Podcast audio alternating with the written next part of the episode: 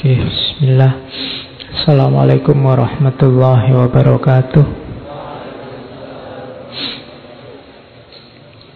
Bismillahirrahmanirrahim. Alhamdulillahi alamin. Wa bihi nasta'inu ala umurid dunya waddin. Allahumma salli wa sallim wa barik ala habibina wa syafi'ina Sayyidina wa wa wa ala alihi wa ashabihi wa man tabi'ahum bi ihsanin ila yaumiddin. Bismillah, kita mulai ngaji kita di tahun 2019. Pas setelah kemarin kita sama-sama merayakan dan meramaikan tahun baru ada yang meramaikan di jalan, ada yang meramaikan di masjid-masjid. Intinya sama, meramaikan tahun baru. Sekarang pesta-pestanya sudah. Kita lanjutkan tugas kita untuk belajar. Bulan ini modelnya agak beda. Kita tidak pakai tokoh. Ya, biar ada selang-selingnya biar tidak rutin. Kemarin-kemarin kita ngeritiknya selalu rutin. Ada tokoh, ada tokoh terus. Ah, termasuk malam ini agak telat itu biar juga tidak rutin. Ada bedanya. Oke, ini tema yang universal. Di banyak filosof ada. Cuma tidak mungkin saya ngomong semuanya Makanya saking banyaknya filosof yang ngomong harapan Saya ambil saja tanpa tokoh. Oke langsung saja. Itu hasil rangkuman yang saya buat dari banyak sekali definisi tentang harapan. Ya intinya harapan itu Selama kalian masih mau hidup, sebenarnya masih punya harapan. Tapi saya tidak mau hidup, Pak. Saya ingin mati saja. Ingin mati itu ya harapan. Ya.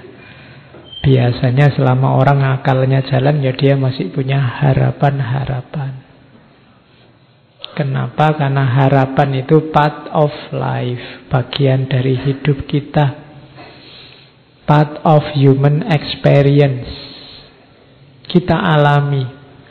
Kamu sadari atau tidak, kamu sengaja atau tidak, dari detik ke detik hidupmu itu sebenarnya rangkaian dari harapan ke harapan.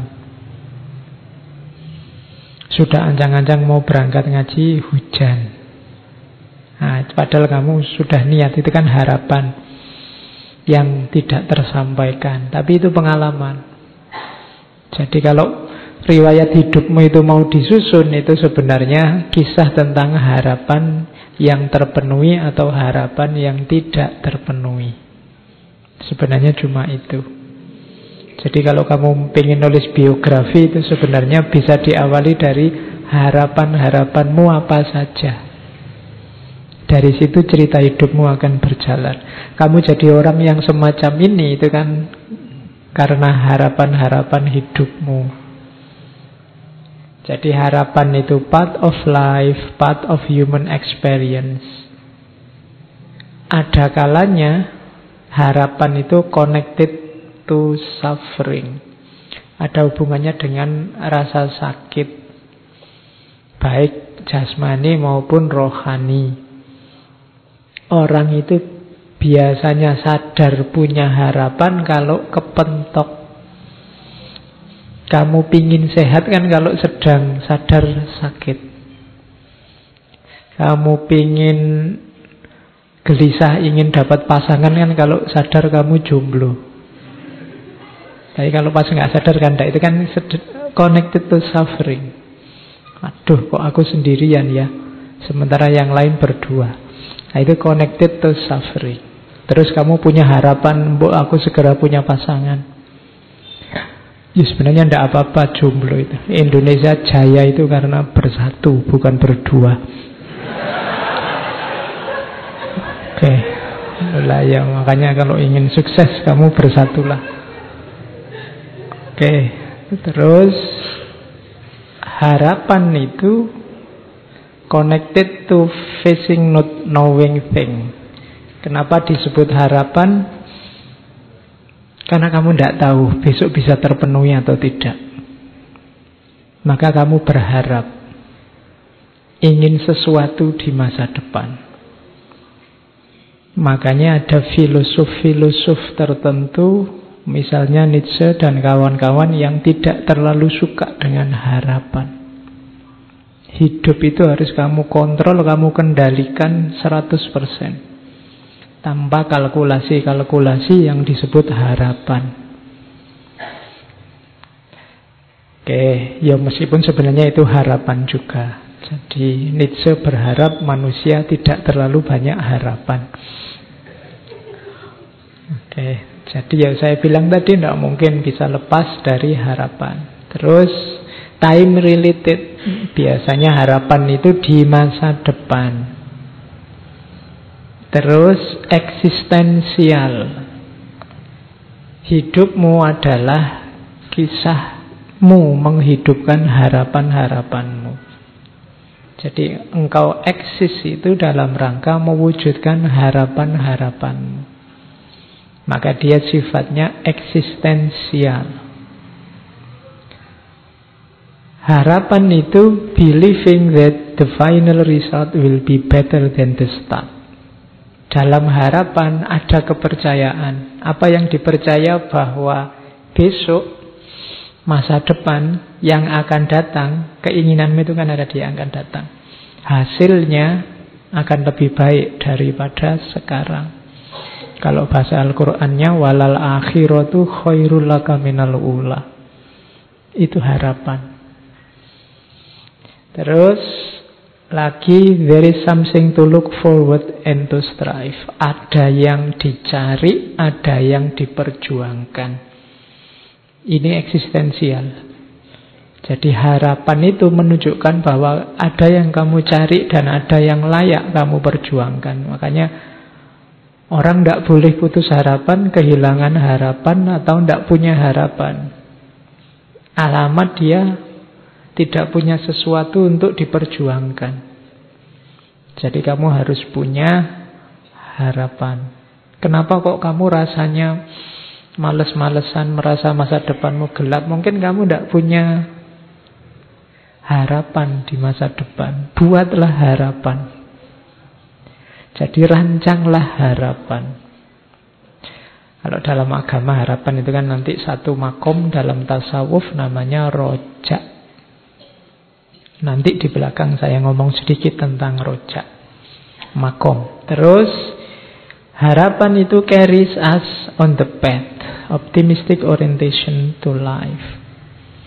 Dengan harapan kita akhirnya masuk ke wilayah jalan hidup.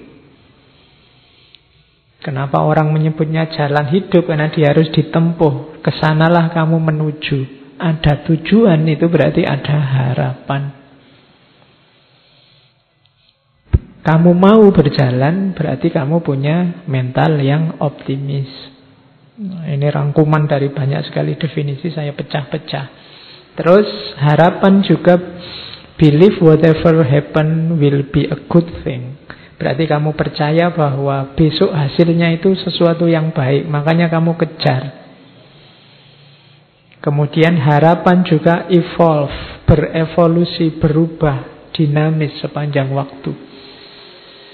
Keinginanmu itu kan tidak pernah mandek. Hari ini pingin apa, besok pingin apa.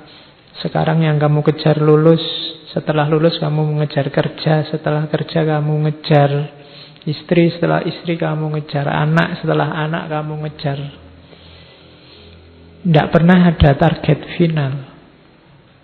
Harapanmu itu mulur kalau bahasanya Surya Mentara. Dan yang terakhir, harapan itu a gift. ini agak religius bahwa harapan itu sebenarnya anugerah. Bersyukurlah kalian yang masih punya harapan. Banyak orang yang mengharap saja susah. Atau dia harus mati-matian merancang harapan yang cocok sama dirinya padahal mungkin dia ingin lebih dari itu. Maka bisa berharap itu Alhamdulillah. Jangan putus harapan. Agama sangat benci orang yang putus harapan. Kalau di surat Yusuf itu disebut orang kafir. Walatai asu mirrohillah. Jangan putus asa dari rahmatnya Allah. Orang yang putus asa berarti orang yang tidak punya harapan itu minal kafirin. Termasuk golongan orang-orang kafir. Kafir itu ya orang yang ingkar. Sebenarnya ingkar tidak dalam arti menjauh tapi dalam arti menutupi kebenaran. Itu orang kafir. Makanya istilah kafir itu nanti diadopsi dalam bahasa Inggris jadi cover. Kalau kalian tidur di atas bed cover, itu berarti yang kamu sedang tidur di atas kekafiran. Ya kan itu akar katanya sama. Nah, jadi sampai kafir. Harapan itu anugerah, maka bersyukurlah barang siapa yang kehilangan harapan kamu masuk ke dalam kekufuran kayak orang kehilangan keimanan. Kamu tidak percaya ada Allah. Kepahitan apa pun dalam hidupmu, jangan sampai membuatmu putus asa karena kamu kalau putus asa sama dengan melecehkan Allah. Tidak ada masalah yang tidak terselesaikan. Tidak ada masalah susah, masalah sulit, masalah rumit. Kalau bagi Allah, maka berharaplah dan selama engkau berharap saat itu sebenarnya engkau sedang menikmati anugerah dari Allah. Oke, itu gambarannya. Harapan itu apa? Setiap kotak yang saya kotak itu bisa jadi satu tema tulisan. Ada harapan dan waktu, harapan dan pengalaman hidup, harapan dan masa depan yang lebih baik, harapan dan anugerah kayak judul sinetron. Jadi itulah harapan. Terus saya ambil quote-quote-nya di depan. Ini Immanuel kan. Katanya Immanuel kan sistem filsafatku itu sebenarnya menjawab tiga pertanyaan besar saja. Yang pertama adalah What can I know? Yang kedua, what ought I to do? Dan yang ketiga, what may I hope? Jadi apa yang aku tahu, apa yang harus aku kerjakan, dan apa yang mungkin aku harapkan. Jadilah filosof kayak Immanuel kan, jawablah tiga pertanyaan ini apa yang engkau tahu, apa yang harus engkau lakukan, dan apa yang mungkin engkau harapkan. Masing-masing pertanyaan jawablah satu bab 30 halaman nanti jadi buku 100 halaman. Kamu bisa nyanyi lu kalau apa yang aku tahu kan bisa panjang sekali, lebar sekali itu temanya. Apa yang harus aku lakukan? Wah, itu bisa lebih lebar lagi. Kamu sebagai mahasiswa, kamu sebagai anak muda, kamu sebagai warga negara, kamu sebagai umat beragama, kamu oh, banyak. Apalagi apa yang bisa aku harapkan, mungkin aku harapkan lebih luas lagi. Segalanya yang baik, yang penting bisa kamu harapkan. Tinggal kamu cari relevansinya dengan kehidupan nyatamu. Maka jadilah sistem filsafat. Itulah yang dibuat katanya Emmanuel kan. Sistem filsafatku dulu adalah ringkasnya adalah menjawab tiga pertanyaan ini. Makanya kalau kalian nulis skripsi, nulis tesis itu kan bagian-bagian pendahuluan itu kan selalu ada rumusan masalah. Nah ini rumusan masalah gagasannya Immanuel kan itu tiga ini. Cuma jawabannya luar biasa luas dan dalam. Oke, ada quotes lagi. Saya ambil bagus, ada hubungannya dengan kita. Maria Popova. Maria Popova ini budayawan, sastrawan, tinggalnya di New York, kelahiran Bulgaria. Dia bilang critical thinking without hope is cynicism. Hope without critical thinking is naive. Berfilsafat, berpikir kritis, mengkritisi orang lain, gagasan orang lain atau gagasannya sendiri, tapi membuang harapan, itu dapatnya cuma sinis. Ngeritik tok isine. Nggak ngasih solusi.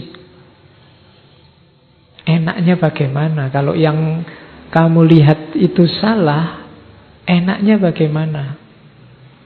Jalan keluarnya apa? Dari situ kan nanti muncul harapan. Tapi kalau kamu ngeritik aja, ndak ngasih solusi, ndak ngasih harapan, itu namanya hanya sinis. Kalau bahasa hari ini hanya nyinyir. Tapi kebalikannya, ngasih harapan saja without critical thinking is naive. Ngomong yang baik-baik, pokoknya ini terjamin, pokoknya ini akan sangat baik, pokoknya ini bagus terus, tidak kritis, ya namanya naif.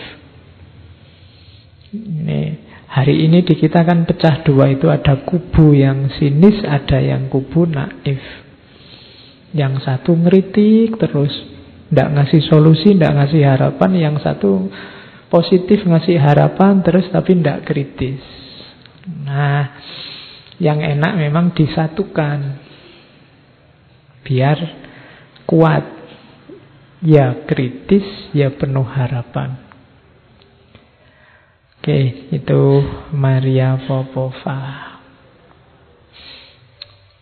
Ada beda kalau dalam bahasa Inggris ya, ada hope, wish, sama expect sebenarnya. Itu tiga-tiganya artinya harapan kalau dalam bahasa Indonesia. Tapi kalau dalam bahasa Inggris maksudnya beda. Kalian juga hati-hati makainya beda. Di situ tidak saya jelaskan artinya tapi contohnya. Mumpung sekarang hujan. Kalau hope itu kamu berharap memang indikasinya bisa muncul tapi kamu tidak pasti nanti muncul benar apa tidak. Ya, saya ingin besok pagi waktunya ke kampus hujan terus. Nah, ini berharap. Cuma kamu tidak yakin. Karena sekarang musimnya kan tidak pasti. Itu namanya hopes. Kalau wish itu kamu ingin kebalikannya. Wish itu kayak orang enaknya kalau kayak gini ini ada yang tiba-tiba bawa gorengan banyak terus dibagi misalnya. Tapi kan itu wish. Wong kita sudah ngumpul tidak ada gorengan. Berarti apa? Ingin kebalikannya. Itu namanya wish. Seandainya ya semester ini EP ku bisa 4 itu.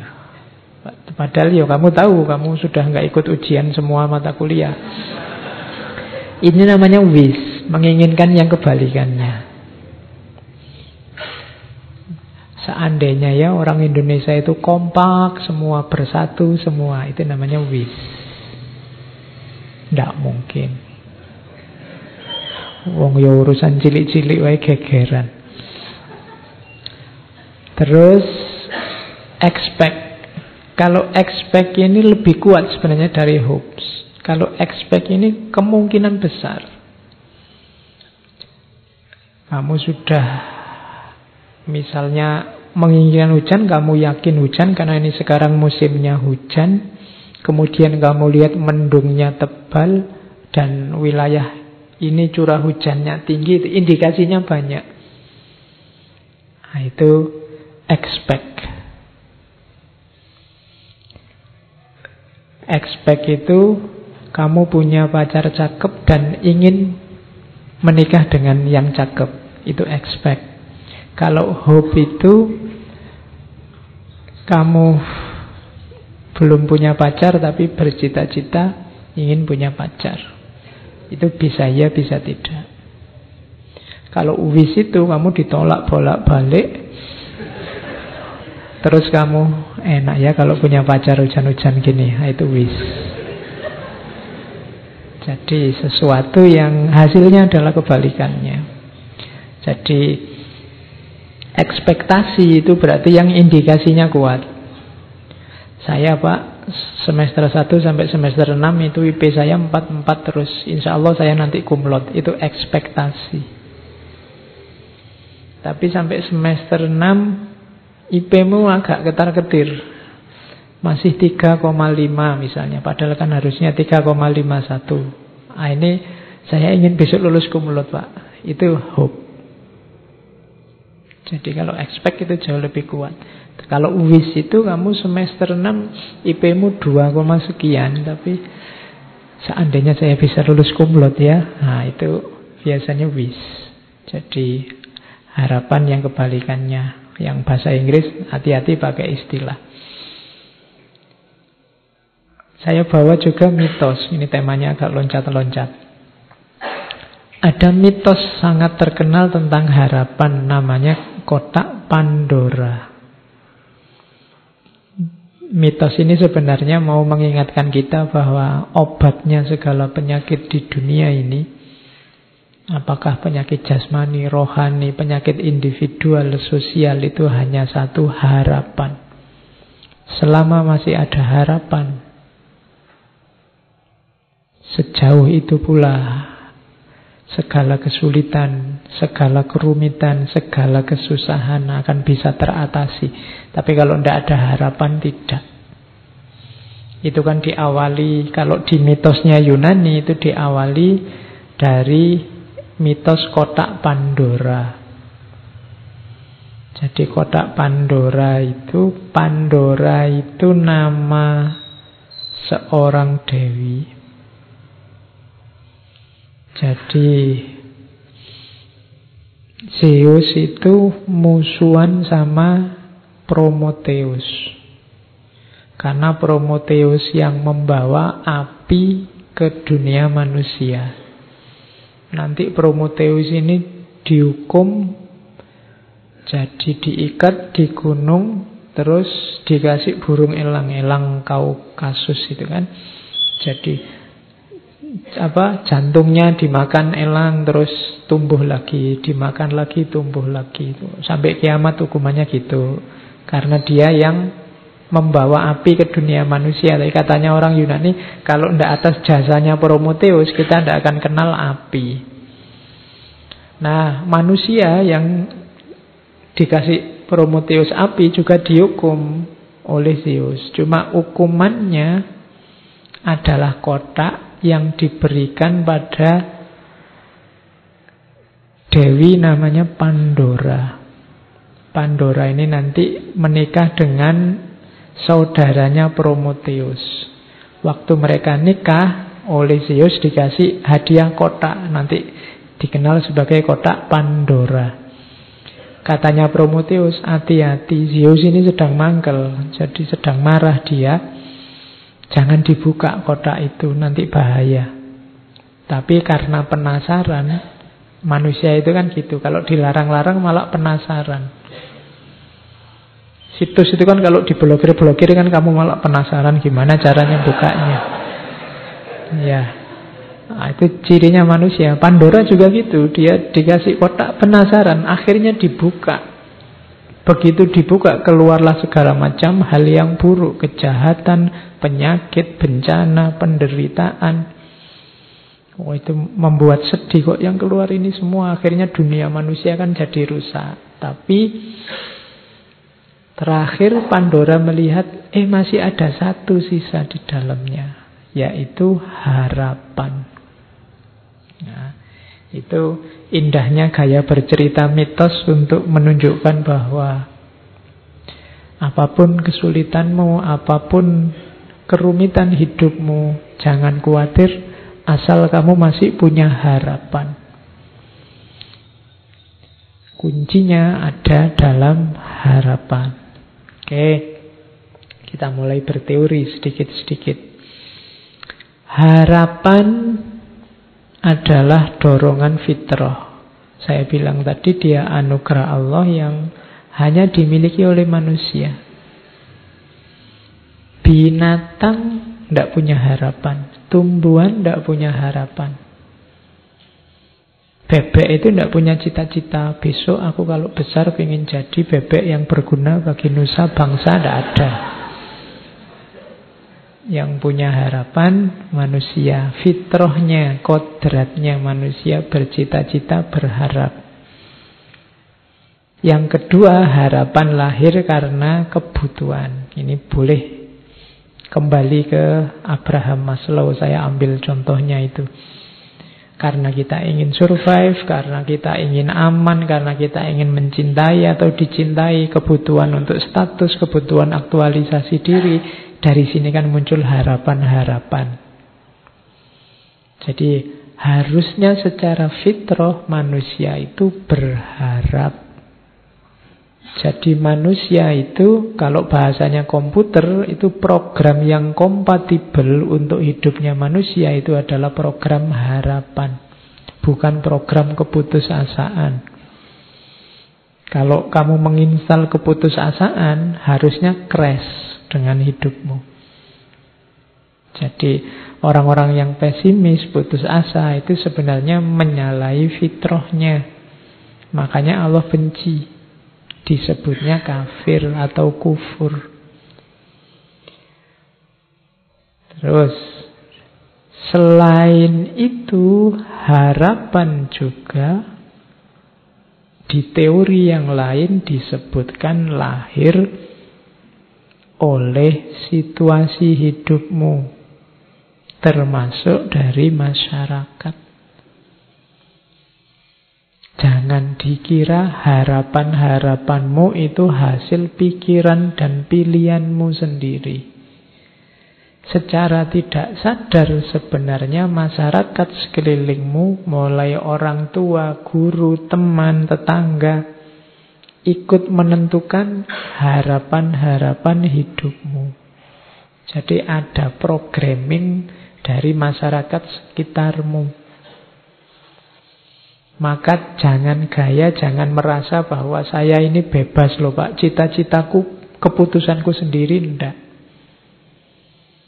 Di situ ada ilustrasinya biasanya anaknya pedagang itu ya mentalnya dagang dan cepat. Kalau disuruh berharap untuk dagang, anaknya guru juga begitu. Anaknya pemikir juga begitu, biasanya. Jadi cita-cita, harapan itu mix antara fitrah individu, kebutuhan masing-masing orang plus programming dari masyarakatnya. Jadi teori ini mau bilang bahwa setiap orang harus sadar sebenarnya kebebasan mutlak untuk manusia itu tidak ada. Kamu yang merasa bebas sebenarnya tidak bebas juga. Masyarakatmu pasti mempengaruhi ekspektasi dan harapanmu. Bukan keinginanmu sendiri. Ketidaksadaran ini nanti sering membuat orang jadi patah hati, stres, depresi, konflik. Jadi harapan itu darimu dipengaruhi oleh masyarakat didorong oleh kebutuhan. Terus apa mainnya harapan, pentingnya harapan dalam hidup kita? Ya, kalau ini sebenarnya tidak perlu dijelaskan, kalian sudah tahu. Ini menegaskan arah dan orientasi hidup, meningkatkan kemampuan menghadapi kesulitan. Itu ada saya kutipkan sebuah quotes dari biksu Thich Nhat Hanh dari ini biksu Zen Buddhisme dari Vietnam. Dia punya torekot kalau bahasa Islamnya ya. Dia punya order of interbeing. Jadi kita kan selama ini interreligius, interrelasi, dia punya order of interbeing. Jadi tidak cuma sesama manusia, sesama makhluk, tapi saling berhubungan dengan segala yang ada. Katanya Thich Nhat Hanh, hope is important.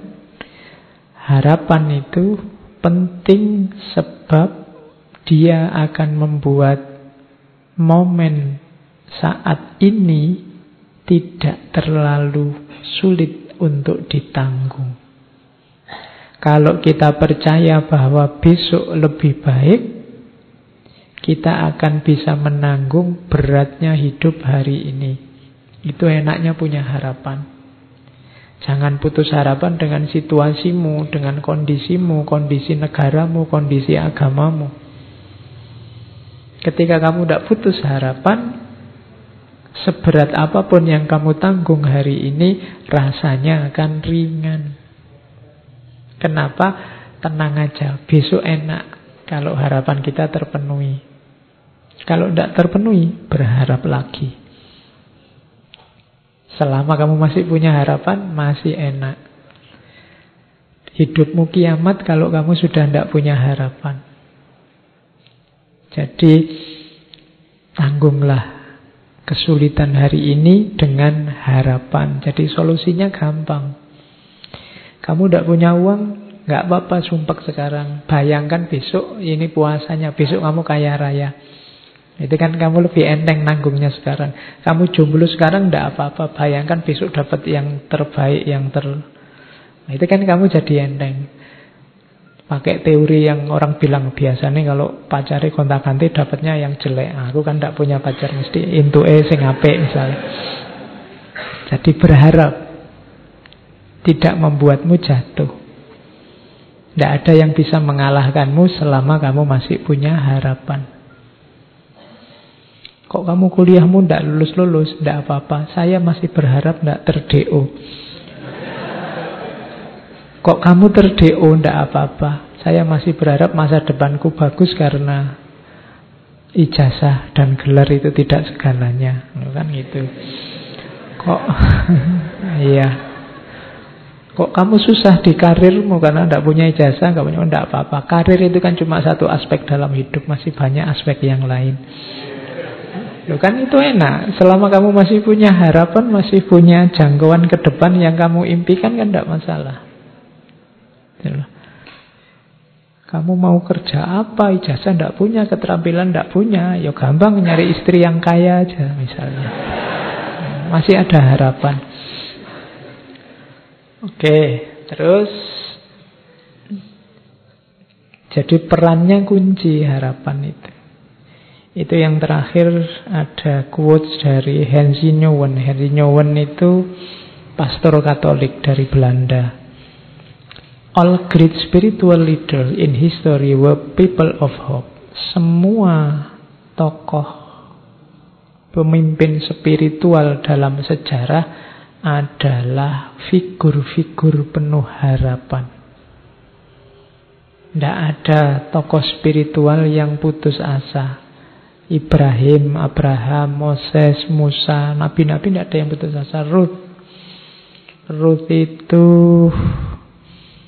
neneknya kalau itu sebenarnya tokoh dari Bible. Tokoh perempuan neneknya Nabi Dawud. Yang nanti ada silsilah juga sama Yesus. Maria, Yesus, Rumi, Gandhi, Dorothy Day, semuanya menjanjikan. Orang-orang yang penuh harapan. Live with a promise in their heart. Mereka meyakini suksesnya di masa depan, janji-janji di masa depan. Itulah yang membimbing mereka menuju masa depan. Jadi masa depan itu penting, maka hidupkanlah dengan harapan. Terus, nah, cuma ini tadi kan yang positif-positif. Ada teori lagi Sebenarnya harapan itu sifatnya paradok. Harapan itu sumber kehidupan cuma hati-hati. Kadang-kadang dia juga sumber kehancuran. Kenapa? Mungkin di sesi ngaji apa saya pernah bilang hanya orang yang berharap yang bisa kecewa. Ya kan? Hanya orang-orang yang berkeinginan yang bisa gagal. Jadi itu paradoksnya harapan. Jadi paradok itu sifat yang bertentangan, makanya kamu mengelolanya harus hati-hati. Harapan bisa membawamu pada kebahagiaan, tapi bisa juga sebaliknya menghancurkanmu. Kalau kamu tidak hati-hati merancang harapan. Jadi jangan sampai senjata yang sakti yang namanya harapan itu berbalik membunuh dirimu sendiri karena kamu tidak pintar mengelolanya. Itulah sifat paradoksnya harapan. Kalau kamu tadi tidak bercita-cita kumlot, tidak kumlot itu kan tidak masalah. Tapi ketika kamu bercita-cita kumlot, tidak kumlot jadi sumber kekecewaanmu. Kalau cita-citamu, harapanmu hanya lulus saja, kumlot tidak kumlot tidak penting. IP berapapun tidak masalah, yang penting lulus. Kenapa? Cita-citamu hanya lulus saja. Tapi kalau cita-citamu IP, cita-citamu kumlot, Lulus saja itu menghancurkanmu. Kalau kamu tidak bercita-cita punya pasangan, bok jomblo sampai umur 40 tidak masalah. Tapi kalau orientasi hidupmu pasangan, pacar, dan yang sejenis itu, bok sekarang kamu jomblo juga gelisah, susah, sumpek. Kenapa? Karena kamu target di situ. Kamu berharap di situ. Ah itu paradok harapan namanya. Dia bisa menghidupkanmu, tapi dia juga bisa membunuhmu. Kalau kamu tidak hati-hati. Maka aturlah harapan-harapan hidupmu secara masuk akal. Secara cerdas. Rancang harapanmu paling tidak di empat ciri. Yang pertama, harapan berharaplah sesuatu yang dapat kamu capai secara rasional. Jadi secara rasional itu berharap yang masuk akal saja. Kalau kamu sudah semester 14, targetnya sudah nggak usah mikir kumulat-kumulot, yang penting lulus. Itu yang rasional. Nah, ya. Kalau enggak nanti hancur hidupmu, gitu loh. Jadi berharaplah yang rasional-rasional saja. Yang terjangkau. Yang kedua, yang dapat kamu kontrol. Pancanglah harapan-harapan yang bisa kamu kendalikan, kamu tempuh. Itu Misalnya kamu sadar bahwa suaraku itu jelek kok Pak. Tapi saya cita-citanya penyanyi. Nah, itu kan agak agak berat perjuanganmu kalau sampai ke sana. Jadi salah kamu mungkin milih harapannya. Kalau pencipta lagu tidak apa-apa, kalau penyanyi susah karena hubungannya sama suara. Nah itu harapan yang tidak bisa kamu kontrol itu agak susah. Misalnya Kayak saya tingginya paling 150-an. Saya ingin cita-citanya jadi foto model yang tingginya minimal 180. Itu kan nggak nggak masuk. Jadi yang bisa kamu kontrol. Jangan berharap yang tidak bisa kamu kontrol karena kalau tidak harapan akan membunuhmu. Terus Berharaplah yang menurutmu penting. Kalau ini ya benar bunuh diri. Kalau kamu tidak penting kok kamu harapkan. Ya, wong kamu tidak minat kok kamu masuk ke situ. Nah, itu agak bunuh diri. Jadi berharaplah hal-hal yang penting-penting saja. yang cocok sama passionmu. Jangan berharap yang bukan dirimu. Karena kamu akan kesulitan mewujudkannya dan akibatnya kamu kecewa. Yang penting menurutmu apa? Bukan yang penting menurut orang lain. Karena kalau tidak nanti kamu kesulitan mewujudkannya. Setiap orang punya gaya dan model sendiri-sendiri. Yang keempat, ini juga penting. Kalau tadi kan penting menurutmu. Berharaplah sesuatu yang bisa diterima oleh masyarakatmu dan cocok dengan nilai-nilai yang ada di tengah masyarakat, nilai-nilai moralnya. Ini menentukan juga, karena kalau targetmu ternyata tidak cocok dengan masyarakatmu, kamu bisa kesulitan juga. Nanti harapanmu bisa membunuhmu. Ya macam-macam tidak cocok itu. Mungkin tidak cocok sama kultur sana. Mungkin tidak cocok sama nilai-nilai yang ada di sana. Ya contohnya gampang lah. Misalnya yang cocok sama masyarakat di kos-kosanmu. Misalnya masyarakat sana menghendaki kamu kalau apel paling malam sampai jam 10 misalnya. Ah itu ya kamu jangan berharap lebih. Saya ingin ijtihad berlawanan dengan masyarakat. Pokoknya apel itu ya paling tidak jam 12 lah. Jam 10 belum dapat apa-apa. Misalnya. Oh itu kamu akan kesulitan benar. Mungkin kamu punya argumen. Punya dasar, punya dalil. Lo gimana Pak saya sholat isaknya sekarang selesainya paling jam 8. Nanti kos saya sama tempat apelnya jauh, bisa sampai jam 9. Kalau jam 10 harus pulang, ya belum ngapa-ngapain kita, baru say hello misalnya. Nah, itu kan argumenmu. Tapi masyarakatmu tidak bisa. Kamu kasih argumen itu, mereka punya tata nilai sendiri. Nah, harapanmu kalau tabrakan dengan maunya masyarakat, kamu akan susah juga. Hasilnya kesengsaraan juga. Maka rancanglah harapanmu di empat ciri ini. Rasional, bisa kamu kontrol.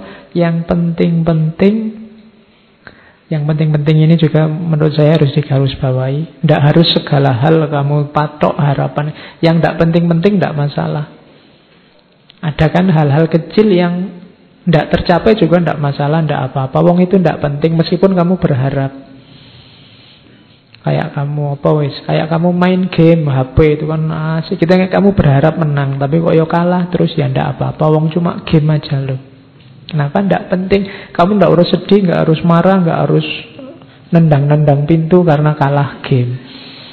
Oh ndak apa-apa, wong cuma permainan. Itu namanya kamu ngerti prioritas. Mana yang penting, mana tidak penting. Ya semuanya kamu harapkan. Misalnya apa teh ini. Ini kan kamu berharap teh ini segarnya luar biasa begitu diminum misalnya.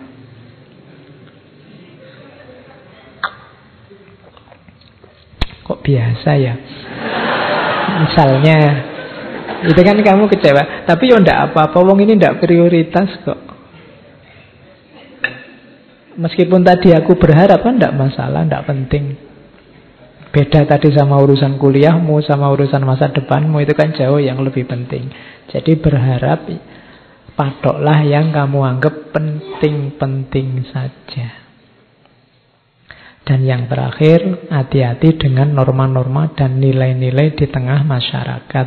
Karena masyarakat itu juga harus jadi pertimbanganmu. Mereka punya logika sendiri, mereka punya standar sendiri. Nah, komponennya harapan ada tiga. Tidak usah dibaca definisinya agak bulat.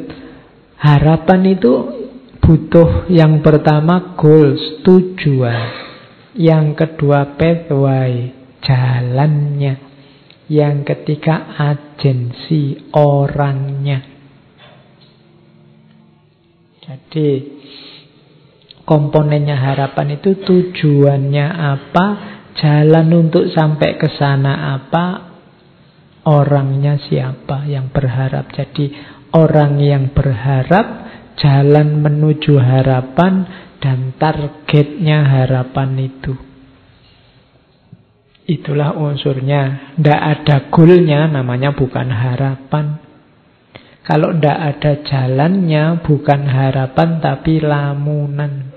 Tamani kalau dalam bahasa agama, angan-angan. Seandainya ya tiba-tiba ada uang sak karung jatuh di depanku. Nah, itu namanya bukan harapan. Tapi lamunan, angan-angan. Seandainya ya tiba-tiba ada artis Korea datang padaku menyatakan I love you. Nah itu itu lamunan. Kenapa lamunan? Pathway-nya ndak ada. Jalan yang bisa nyambung dirimu dengan tujuan itu ndak ada.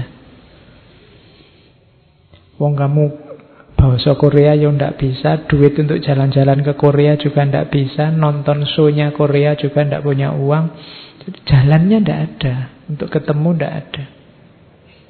Nah itu tidak ada pathway-nya. Maka namanya angan-angan. Untuk lengkap disebut harapan, jalannya ada, strategi menuju ke sana ada, goalnya ada, tujuannya ada, dan orangnya juga mau. Jadi ini harus lengkap. Kalau tidak ada orangnya Pak, ya sama aja bohong. Ada jalannya, ada tujuannya. Orangnya yang berharap tidak ada, ya tidak jadi cerita.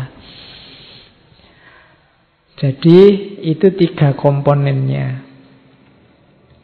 Penghalangnya juga ada tiga. Yang pertama emosi, yang kedua stresor, dan yang ketiga surprise event. Kalau emosi jelas. Emosi-emosi negatif itu mungkin menghalangi jalanmu mewujudkan harapan. Jadi kamu terburu-buru atau kamu males atau kamu ngamuan atau kamu merasa minder atau kamu terlalu pede itu kan emosi-emosi itu sering jadi penghalangnya harapan. Cita-citamu segera dapat pasangan, tapi kok iyo mentalmu minder. Kalau ndak ada orang aja kamu postingnya teriak-teriaknya selalu tentang perempuan, pasangan, begitu ketemu nderedek. Grogi. Ndak bisa ngomong ya sama aja. Emosi ternyata penghalangmu. Yang kedua stresor. Kalau stresor ini stresor ini nanti berpengaruh ke emosi, tapi stresor itu sesuatu yang menghalangi. Yang menekanmu sehingga tidak bisa mewujudkan harapan kayak kamu pengen cepat lulus tapi kok ya kamu kerja. Kerja ini kan jadi stresor namanya, membuatmu stres. Jadi pengen cepat lulus tapi kok ya harus kerja ya. Nah itu kan stresor namanya. Pingin jadi orang soleh, tapi kok ya susah yang ngaji itu ya misalnya. Itu kan ngaji jadi stresornya. Jadi penghalang harapan itu emosi, stresor, dan yang ketiga surprise event.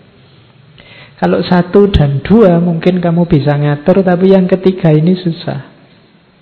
Surprise event itu hidup ini kan serba tidak terduga. Kamu sudah niat-niat pokoknya sampai saya lulus S2, jangan sampai ada pacar, jangan sampai ada perempuan atau laki-laki yang mengganggu. Kok yang dilalah ada event yang membuatmu jatuh cinta, dia juga oke, okay, sama-sama oke. Okay. Ini surprise event. Waduh, tadi prinsipnya Mau dilanjutkan apa enggak ya Kalau dilanjutkan kok ya eman-eman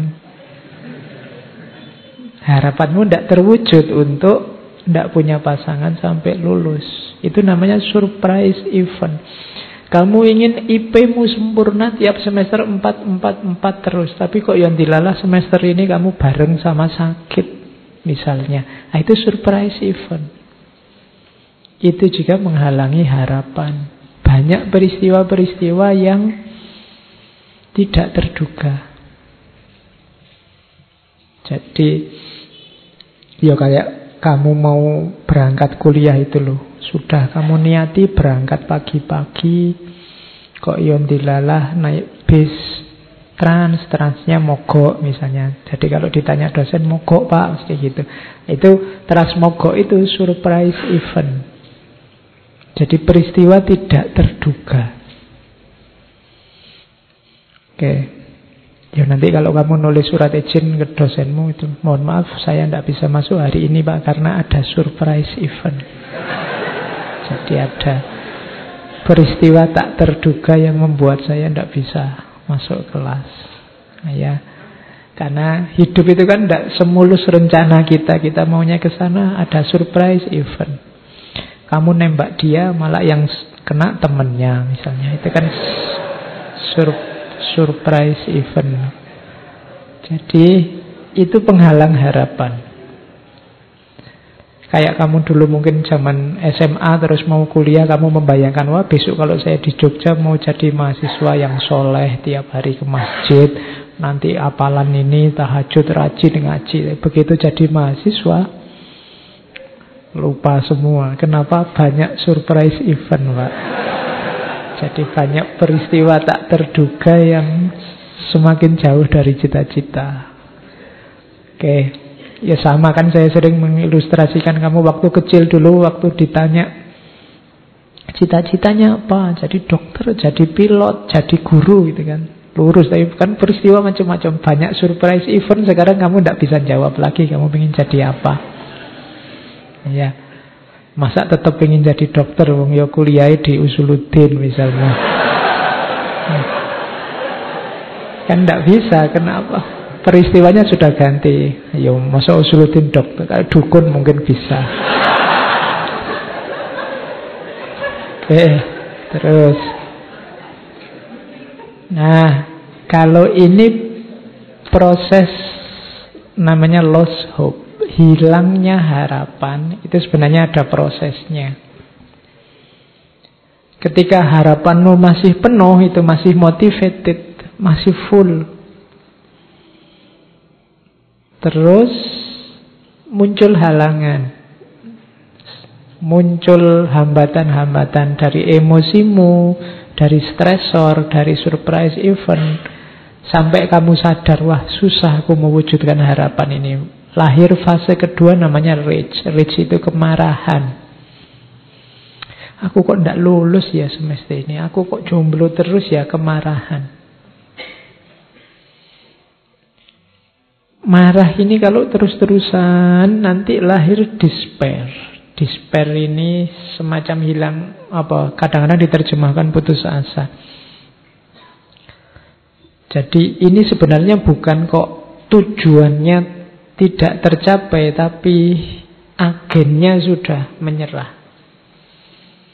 Bukan berarti dia tidak percaya sama tujuannya, dia tidak percaya sama dirinya. Itu namanya despair.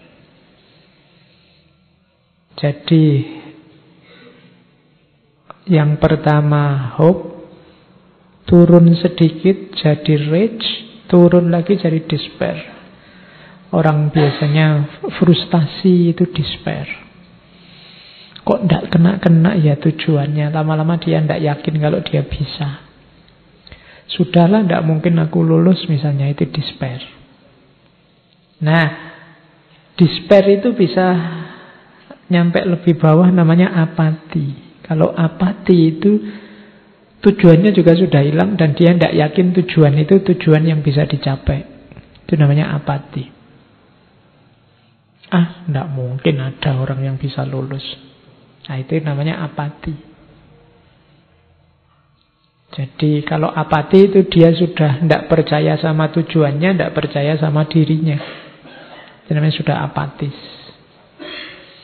Tidak mungkin lah Pak saya bisa jadi orang soleh, jadi orang alim, wong saya koyong ini misalnya. Itu sudah apatis. Tapi kalau despair itu saya ingin sebenarnya Pak jadi orang soleh, tapi ya apa mungkin saya bisa. Itu despair. Kalau rage itu saya ingin jadi orang soleh, tapi kok ya sulitnya banyak sekali halangannya Pak. Itu rage, mengeluh. Yang paling atas, motivated itu, saya pasti bisa jadi orang soleh. Sekarang sih belum Pak, ya kira-kira 20 tahun lagi lah Pak. Nah itu motivated namanya. Tidak apa-apa jauh, tapi kan masih semangat. Nah jadi itu proses dari berharap sampai apatis, sampai putus asa.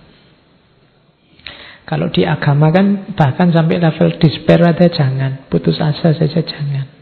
Putus asa itu kan kamu tidak percaya bahwa dirimu bisa mencapai tujuan itu. Kalau apatis dia sudah skeptis sama tujuannya apa ya mungkin tujuan semacam itu itu sudah apatis. Jadi agama bahkan yang paling bawah aja yang nomor tiga itu saja sudah jangan. Oke, terus kalau ini membangun harapan atau membangun kembali harapan. Tadi kan punya cita-cita kok terus gagal, despair. Nah, kalau ini dibangun lagi yuk. Biar kamu tetap bisa berharap. Yang pertama apa? Goal setting. Ayo ditegaskan lagi. Kamu ingin apa sih? Itu namanya goal setting. Kamu ingin mengharapkan apa? Cita-citamu apa? Yang semula sudah mulai buram, sudah mulai blur karena kamu tidak yakin, sekarang ayo digaris bawahi lagi, ditegaskan lagi. Setelah itu, identify viable pathways.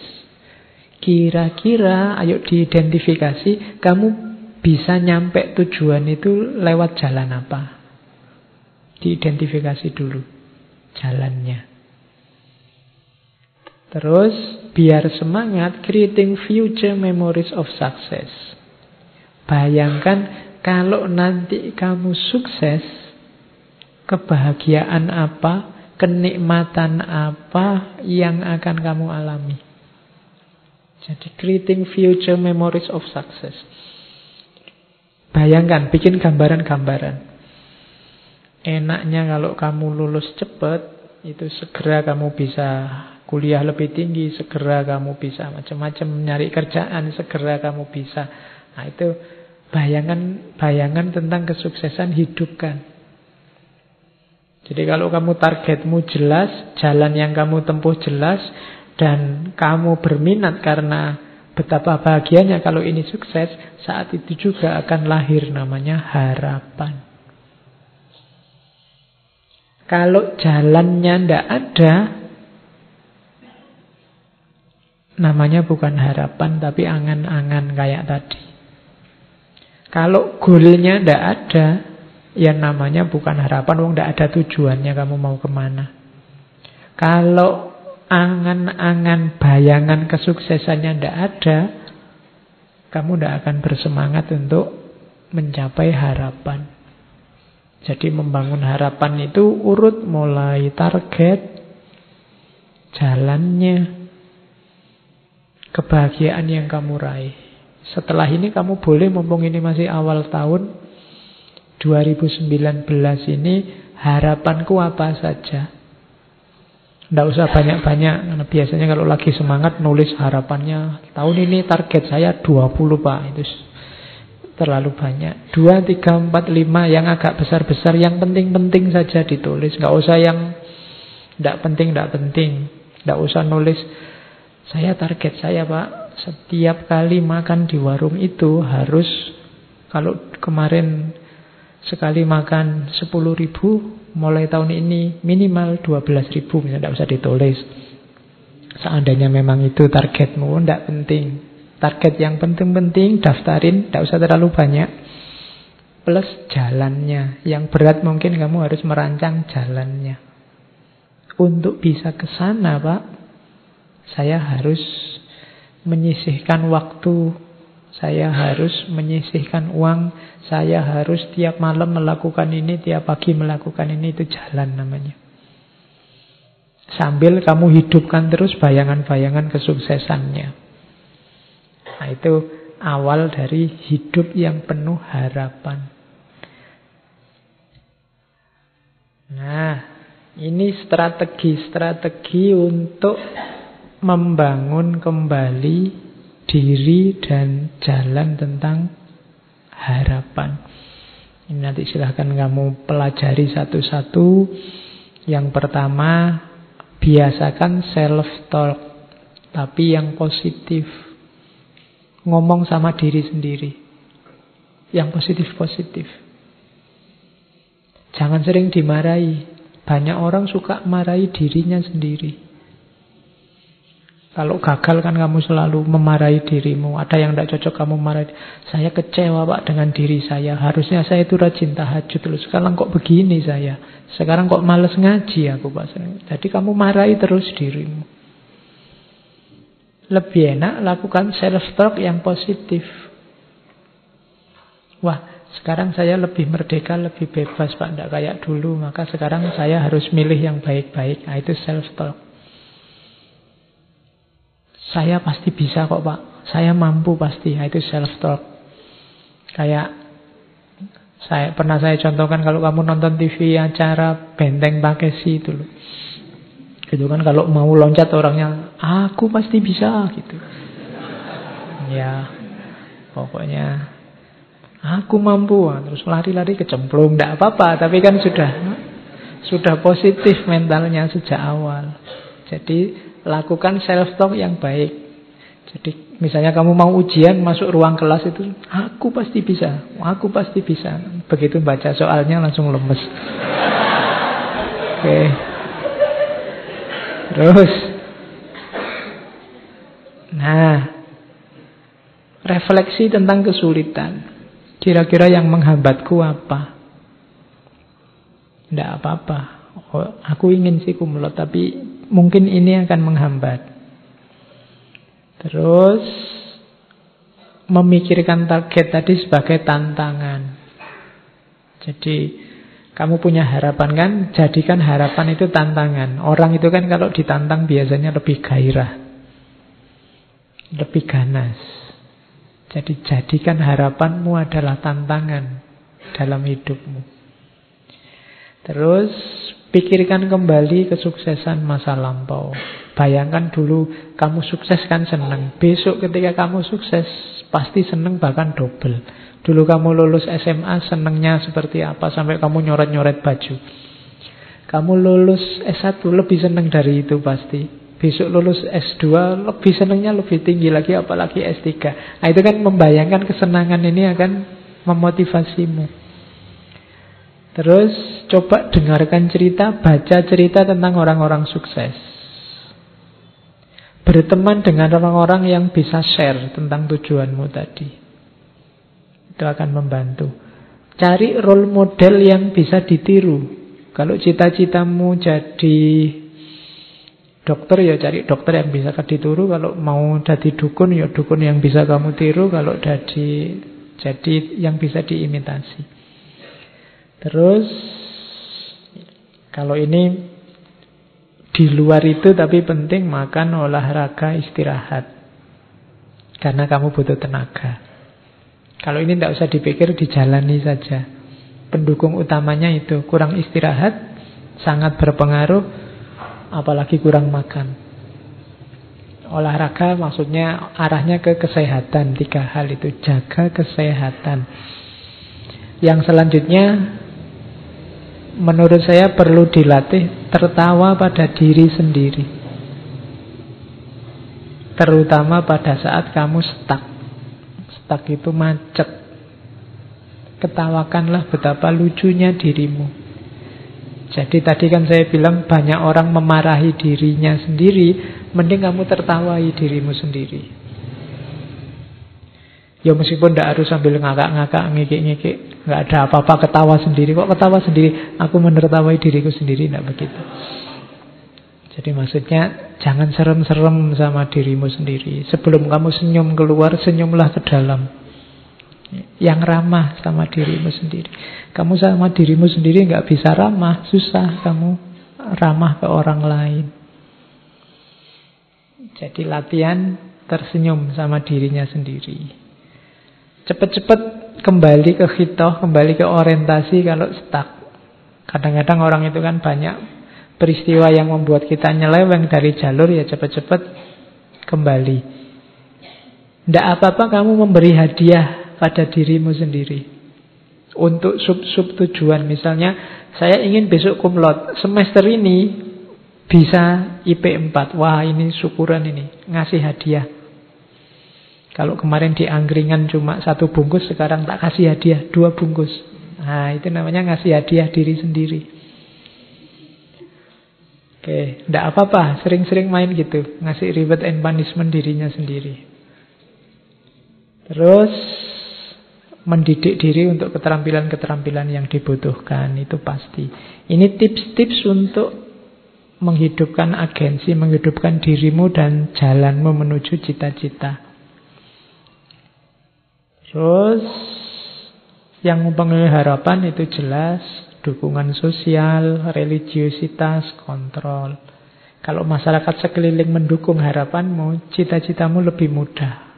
Orang tua, saudara, guru, dosen itu bisa mendukung, bisa kamu manfaatkan untuk mewujudkan harapan. Yang kedua, religiositas. Ini juga bisa mempengaruhi, bisa mendukung kepercayaanmu pada Tuhan. Itu kan mendukung kamu. Mungkin kamu agak merasa kurang mampu tapi dengan Allah Allah bisa menolong. Ada Tuhan yang bisa membantu. Itu kan bisa mempengaruhi harapan. Kalau orang yang tidak kenal Tuhan atau tidak percaya Tuhan, apa-apa kan disandarkan dirinya. Sementara manusianya terbatas. Banyak kekurangan. Nah itu lebih susah. Tapi karena kita punya Tuhan lebih mudah. Kemudian kontrol, kemampuan kita mengontrol harapan. Itu juga mempengaruhi harapan kita. Ada batasnya harapan itu ya. Kamu sadari apa tidak? Harapanmu dibatasi oleh pengetahuanmu, pengalamanmu, lingkungan hidupmu, dan kemampuanmu. Itu pasti. Kenapa kamu mengharapkan itu? Ya karena itu yang kamu tahu, itu yang kamu bisa, itu yang pernah kamu alami. Kamu sadari atau tidak? Itulah batasnya harapan sebenarnya. Yang kedua, batasnya harapan itu usahamu. Maksudnya usaha itu apa? Setinggi apa pun harapanmu, sejauh apa pun harapanmu, kuncinya tidak pada yang tinggi atau yang jauh itu, tapi pada usahamu. Jadi harapan itu penting, baik, tapi kuncinya ada di usahanya. Yang ketiga, kepercayaanmu pada dirimu sendiri, pada masyarakatmu, pada Tuhan. Itulah batas harapanmu. Jadi kalau ada yang tanya, apa Pak batasnya harapan itu? Ya pengetahuan, pengalaman, lingkungan, kemampuan, usaha, dan kepercayaan. Inilah yang membatasi, yang jadi pagernya harapan kita. Terus doa kita masuk sebentar ke agama ya. Apa perannya doa? Pak saya kan bisa berharap macam-macam, nanti ditambahi doa kan beres. Tidak, doa itu pendukung, penguat. Usaha itu yang mewujudkan. Kenapa harus ditambahi doa? Ini sebenarnya kajian psikologi agama. Karena manusia itu punya ciri terbatas. Kemampuan pengetahuannya terbatas, kemampuan pengalamannya terbatas, kemampuan dirinya terbatas. Yang kedua, manusia itu labil. Katanya A, besok itu. Kalau ditanya Siapa favoritmu? Favorit yang itu-itu loh Pak. Nanti besok ganti itu. Oh ganti Pak, saya favoritnya yang itu-itu. Jadi idolamu kan terus macam-macam jadi banyak. Kita ini sering labil, berubah-ubah terus. Orang mau apa, mau maunya kamu ke sana. Sekarang kemarin kamu cita-citamu jadi guru, dosen. Eh sekarang IT-nya canggih, oh saya ingin jadi YouTuber Pak sekarang Pak. Terus IT-nya, itu kan labil berubah-ubah terus. Itu manusia. Jadi dia terbatas, lemah, labil, kemudian langka. Langka itu dia berhadapan dengan kematian. Dia tidak ada terus. Dan ini hubungannya nanti sama Tuhan. Makanya orang perlu berdoa. Manusia tidak bisa ngontrol perbuatannya sampai akhir. Yang saya bisa itu cuma minum.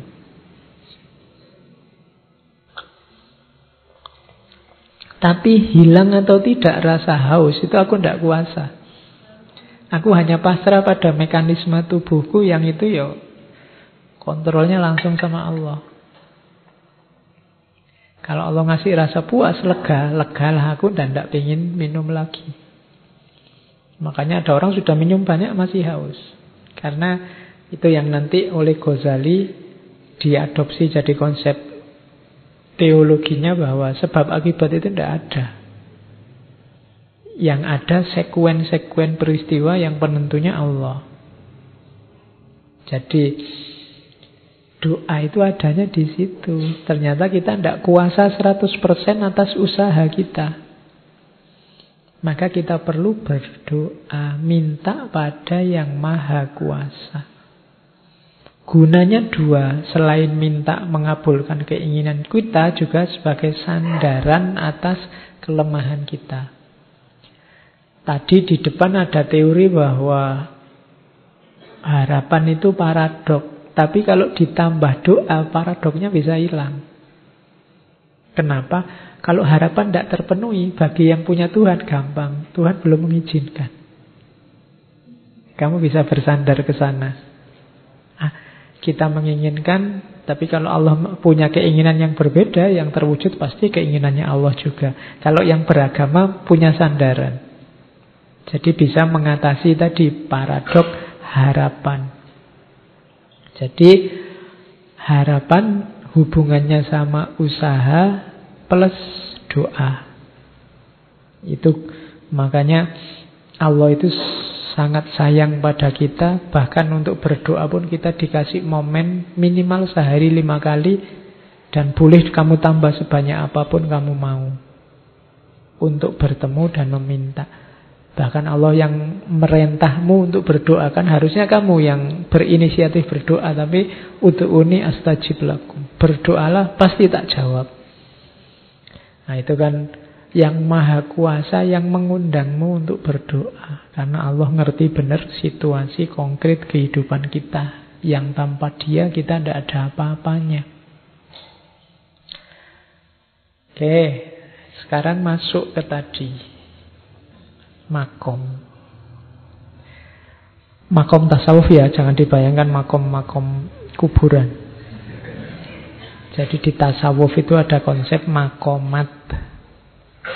Konsep makomat itu tangga-tangga yang harus ditempuh untuk membuat kita dekat sama Allah. Nah, harapan yang kita bahas tadi yang di depan itu kan pandangannya para filosof-filosof. Kalau dalam dunia tasawuf, di dunia Islam, dia termasuk salah satu step namanya roja. Saya tidak tahu roja ini nanti diserap oleh bahasa Jawa terus jadi rujak apa ndak. Lo kan para wali itu kan sering gitu memasukkan istilah-istilah penting dalam agama, ada dalam makanan, di nama desa, nama apa itu. Kemungkinan juga begitu. Jadi rujaan itu berarti mari kita saling berharap. Makomnya makom rojak. Cuma berharapnya pada Allah. Saya ambil dua, saya ambil definisinya rojak dari Ghazali ya. Roja itu katanya Ghazali optimis memperoleh karunia dan nikmat dari Allah yang disediakan untuk hambanya. Maka putus asa itu adalah lawannya. Jangan putus asa dan jangan membuat orang putus asa. putus asa aja tidak boleh untuk dirimu sendiri apalagi membuat orang putus asa. Contohnya membuat orang putus asa itu yang sekarang banyak terjadi kan menyesat-nyesatkan orang, mengkafir-kafirkan orang. Itu salah satu bentuk membuat orang putus asa. Ya kalau kamu dikafir-kafirkan kamu cengengesan saja. Tapi orang tertentu, wah sampean kafir, oh, itu bisa sok luar biasa dia. Bisa putus asa dia dari rahmatnya Allah. Oh, berarti selama ini aku murtad, aku kafir. Itu bisa. Itu kan membuat orang putus asa. Yo, yo kalau kamu sih tidak masalah di kafir-kafir ke yo. Paling kamu cengenges-cengenges wae. Tapi orang tertentu bisa putus asa beneran dengan tudingan-tudinganmu. Jadi jangan membuat orang putus asa. Kenapa? Harus selalu optimis. Cara mengingatkan, kalau mungkin kau mengingatkan saudaramu, ya cara mengingatkannya jangan begitu.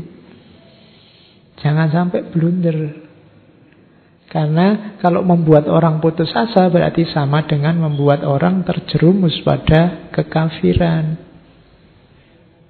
Jadi ketika engkau menyesatkan orang, jangan-jangan engkau yang membuat dia jadi kafir.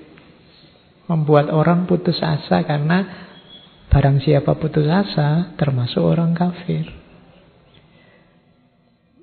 Rojaklah dalam agama. Allah itu sayang kok sama kita. Dengan itu terus kita kan jadi semangat. Dosa kecil dikit-dikit insya Allah diampuni kalau kita tobat beneran. Jadi semangat. Bayangkan kalau kamu diancam. Dosa itu kamu 40 tahun ibadahmu gak diterima. Puyeng kan kamu. Aduh. Sekarang masih usia 23 Pak. 40 tahun defisitnya masih lama itu. Gantinya gimana itu kan ya. Ah, kamu kehilangan harapan akhirnya. Ah daripada gitu, daripada ibadah nggak diterima, sisa rasa ibadah, pak. Bisa jadi begitu kan? Maka jangan buat orang putus asa, buat orang semangat. Tidak apa-apa sampean. Insya Allah kalau tobatnya beneran diterima oleh Allah, teruskan aja. Nah, itu kan membuat orang semangat ngasih harapan. Nah, ciri-cirinya harapan itu katanya Ibnu Qayyim cinta pada yang diharapkan, takut harapannya hilang, dan berusaha mencapai apa yang diharapkan. Kenapa ciri-cirinya ini? Karena rojak itu objek harapan tertinggi adalah Allah. Jadi makanya dia makom untuk mendekat ke Allah. Salah satu makomnya rojak. Kalau di Ibnu Athaillah Roja itu makom nomor lima kalau tidak enam. Yang pertama tobat, yang kedua zuhud, terus sabar, dan seterusnya. Nah, keutamaannya roja adalah orang semangat melakukan ketaatan, ringan beribadah. Kemudian cinta pada Allah. Kenapa? Apa hubungannya rojak sama cinta? Karena orang cinta saja yang penuh harapan. Orang berharap itu kan berarti dia ingin dekat. Dan kedekatan itu salah satu ciri-ciri dari cinta.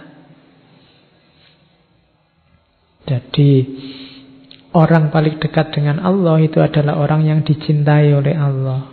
Cinta itu muncul dari harapan. Orang yang mencintai atau orang yang dicintai di situ pasti ada harapan-harapan. Kemudian rojak membuat prasangka baik. Dengan berharap pada Allah berarti kita punya pikiran positif tentang Allah yang maha penyayang, maha pengasih, maha bijaksana. Jadi orang yang mental beragamanya penuh harapan, penuh rojak pada Allah, itu selalu prasangkanya prasangka baik. Kalau ada ujian, ada musibah, ada bencana, prasangkanya tetap baik. Wah Allah ini mengingatkan kita. Allah ini masih sayang loh sama kita. Sekali-sekali kita diingatkan biar itu. Bukan prasangka buruk. Prasangka buruk itu, wah ini Allah tersinggung sama kita. Marah nih sama kita. Kita diazab terus nih sekarang. Itu prasangka buruk namanya sama Allah. Kita harus berprasangka baik sama Allah. Oke. Jenisnya rojak ada tiga. Ada rojaknya orang awam, rojaknya orang khawas, rojaknya orang khawasul khawas. Orang awam mudah bisa ditebak nyari pahala. Nanti kita dapat surga, dapat bidadari, di sana ada ribuan bidadari yang bisa dipakai anytime. Kemudian Mau makan apa saja boleh, mau habis. Pahala. Tidak apa-apa, sah. Saya sering menganalogikan pahala itu kan kayak anak kecil sama orang tuanya. Barang siapa belajar malam ini, besok pagi tak beliin KFC ya. Nah, itu kan anaknya semangat belajar. Bayangannya dapat KFC-nya. Tapi tidak masalah. Kalau orang tuanya kan biar anaknya pinter dipameri dengan hadiah makanan. Anak ini yang dipikir makanan saja, tapi tidak masalah. Meskipun dia mikir makanan, nanti kan sampai ke pinternya tadi. Yang diinginkan orang tuanya tercapai. Meskipun yang ada di pikiran anaknya makanannya. Tapi makanannya juga dapat, tapi kan pinter yang diinginkan orang tuanya juga dapat. Jadi jangan diketawakan, jangan direndahkan orang yang mengejar pahala. Jadi biasa orang ngejar pahala itu tidak apa-apa. Yang harus kamu gelisahkan orang yang mengejar dosa. Ya. Yang kedua rojaknya khawas. Kalau khawas itu yang dia pikir ridhonya Allah. Saya kayak gini diridhoi tidak ya sama Allah. Yang diharapkan ridhonya Allah saja. Yang paling tinggi rojaknya khawasul khawas. Khawasul khawas itu rojaknya orang yang tidak sekedar ridhonya Allah, tapi dia selalu ingin bersama Allah, selalu dekat sama Allah. Mengalami ma'rifat atau musyahadah kalau dalam bahasanya para sufi. Jadi batin yang selalu hidup dekat dengan Allah. Itu yang diimpi-impikan kelompok khawasul khawas. Kalau kelompok khawas, dia ingin dapat ridhonya Allah. Kalau kelompok awam, dia ingin dapat pahala atau balasan dari Allah. Terus, rojak itu ada yang mahmudah tapi ada yang mazmumah. Yang mahmudah ya yang biasa, melakukan kebaikan, ketaatan, dan mengharapkan balasan dari Allah. Atau orang yang melakukan dosa tapi terus bertobat. Mengharapkan ampunan Allah itu rojak yang mahmudah, terpuji. Ada rojak yang mazmumah. Orang rojak yang mazmumah itu tercela. Ia ini berharap pada Allah tapi dosanya nggak berhenti-berhenti. Saya curang, saya korupsi, tidak apa-apa. Allah pasti mengampuni, Allah maha pengampun kok. Saya itu diteruskan terus tidak ada tobatnya. Itu namanya rojak yang mazmumah. Tenang aja tidak apa-apa. Allah itu maha pengampun. Kita salah kayak gini nanti diampuni. Terus saja tidak apa-apa. Itu mazmumah. Jadi tidak boleh. Oke. Saya bawa dua kisah dari Ikhya tentang rojak dari Ghazali yang pertama kisahnya Yahya bin Aktham Yahya bin Aksam ini kodi zaman Abbasiyah. Beliau ini kod apa kepalanya kodi kalau bahasa Arabnya kodil kudot. Jadi pimpinannya para kodi zaman Abbasiyah. Beliau dua kali jadi pimpinannya para kodi. Yang pertama zaman Al-Ma'mun, yang kedua zaman Al-Mutawakkil. Zaman Al-Mutasim tidak jadi meloncat satu khalifah. Madhabnya Syafi'i. Nah, Yahya bin Aktham ini satu ketika ceritanya Ghazali ini muncul di mimpinya sahabatnya. Bayangkan ini kodi orang paling alim. Ditanya, gimana keadaanmu Yahya? Jawabannya Pak Yahya, wah ternyata dosaku banyak disebut satu-satu. Padahal ini kodi loh ya pimpinannya para koti dia gelisah dengan dosanya. Terus jadi mungkin defisit ini dosanya banyak, mau nggak mau ya harus masuk ke neraka dibandingkan pahalanya. Tapi terus Yahya ini komplain pada Allah. Loh, bukankah ada riwayat bahwa engkau seperti dugaan hambamu? Dan aku sejak aku hidup itu berperansaka baik, mesti aku ini dikasihi oleh Allah dan Allah tidak menghukumku. Nah, jadi itu yang saya sebut tadi rojak dan anggapan baik pada Allah. Terus Yahya mengucapkan, loh wong hadisnya begini katanya Rasulullah bahwa yang berprasangka baik pada Allah ya Allah seperti dugaan hambanya. Ah, dikomplain oleh Yahya gitu sama Allah. Oh iya benar riwayatnya begitu. Kamu tidak jadi deh diampuni sekarang masuk surga. Jadi prasangka baik, harapan baik pada Allah itu contoh dari kisahnya Imam Ghazali di Ikhya. Ada kisah lagi yang kedua. Kalau ini kisahnya Bani Israel. Jadi ada seorang Bani Israel itu masuk neraka. Di neraka sudah seribu tahun. Di sana dia menjerit-jerit. Menjeritnya menjerit ya karena dia sudah masuk neraka mungkin bayangannya masih bisa tobat dia nyeritnya pakai nama Allah mungkin waktu disiksa Allah wakbar mungkin gitu. Nah ini Allah ini kok orang disiksa kok teriak-teriak namaku terus Jibril panggil dia. Nah, begitu datang ditanya Allah gimana tempatmu? Gimana kondisimu? Ya pasti aja jawabannya ya jelek wong di neraka. Tempatku jelek.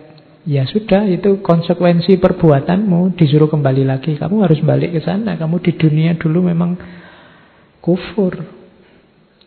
Tapi begitu dia mau balik ke neraka, dia berhenti sebentar terus balik badan. Oleh Allah ditanya, lah kok kamu balik lagi mau apa? Nah, dia jawab, saya benar-benar berharap engkau tidak memasukkan aku lagi ke neraka setelah sejenak aku dikeluarkan. Jadi tadi waktu dipanggil oleh Jibril, ayo kamu dipanggil menghadap itu, wah seneng ini aku keluar dari neraka. Jadi berharap bahwa Allah mengampuninya. Nah, karena dia punya harapan baik dan prasangka baik pada Allah, akhirnya ya sudah kalau gitu, benar kamu mengharapkan begitu. Iya, oh ya sudah kalau gitu masuk surga. Nah, ya besok kalau kamu di neraka pakai trik ini ya. Jadi Wah saya berprasangka baik loh dulu. Ya Allah Saya itu masuk surga. Engkau maha pengasih penyayang. Apalin hadisnya besok nanti Kamu kasih tahu. Ada riwayatnya. Iya oh berarti masuk surga. Oke. Saya bawa satu cerita lagi. Kalau ini Imam Syafi'i Tentang rojak juga. Jadi Imam Syafi'i itu waktu beliau sakit menjelang ajalnya ada seorang murid beliau datang namanya Imam Muzani Abu Ibrahim Ismail bin Yahya Al-Muzani. Ini sahabat dekatnya Imam Syafi'i. Nanti yang menulis ringkasannya Al-Um. Makamnya Imam Muzani ini dekat dengan makamnya Imam Syafi'i. Nantinya. Nah ini waktu Imam Syafi'i sakit menjelang ajal Al-Muzani yang muridnya ini tanya, Wahai Abu Abdillah, bagaimana kondisimu? Imam Syafi'i menjawab, Aku akan pergi meninggalkan dunia, akan meninggalkan saudara-saudaraku, akan bertemu dengan amal burukku, akan kembali kepada Robku.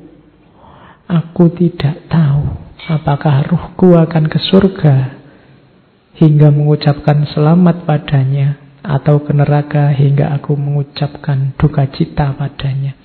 Jadi orang selevel Imam Syafi'i yang sebegitu alimnya juga masih takut membayangkan nasibnya. Harusnya kita lebih takut lagi. Cuma kita punya daya tahan yang lebih dahsyat. Nah, setelah itu lahir puisi yang sangat terkenal dari Imam Syafi'i yang beliau ucapkan menjelang beliau meninggal sambil menangis. Ketika mengeras hatiku dan menyempit jalanku, ku jadikan rojak sebagai titian menuju ampunanmu. Terasa begitu besar dosaku namun saat ku timbang ia dengan ampunanmu, wahai Tuhanku, ternyata jauh lebih luas ampunanmu. Engkau yang selalu melimpahkan ampunan atas segala kesalahan. Engkau yang maha baik dan senantiasa memberikan ampunan. Jadi ini syair ini isinya sangat berharap dan prasangka yang baik pada Allah itu bekal kita. Karena yang bisa menyelamatkan kita besok adalah rahmat dan sayangnya Allah, maka berprasangka baiklah. Baik untuk dirimu sendiri maupun untuk saudara-saudaramu. Jangan membuat saudara-saudaramu putus asa, sumpah, sedih. Beri harapan pada mereka. Oke. Okay. Oke, saya kira itu untuk harapan minggu depan kita lanjutkan pasangannya. Ya, sebenarnya harusnya dimulai dari khauf dulu baru rojak. Cuma karena ini tahun baru, biasanya tahun baru dimulai dari harapan-harapan, maka saya balik harapan dulu. Untuk menyeimbangkan harapan, kita juga harus ada khauf. Oke, saya kira itu materi ngaji malam hari ini. Kurang lebihnya mohon maaf. Wallahul muwafiq, wallahu a'lam Wassalamualaikum warahmatullahi wabarakatuh.